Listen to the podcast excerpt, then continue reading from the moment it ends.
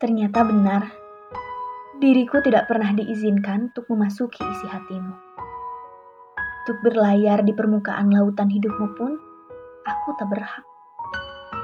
Terima kasih atas takdir yang mempertemukan, namun bukan untuk mendekatkan, apalagi untuk mempersatukan.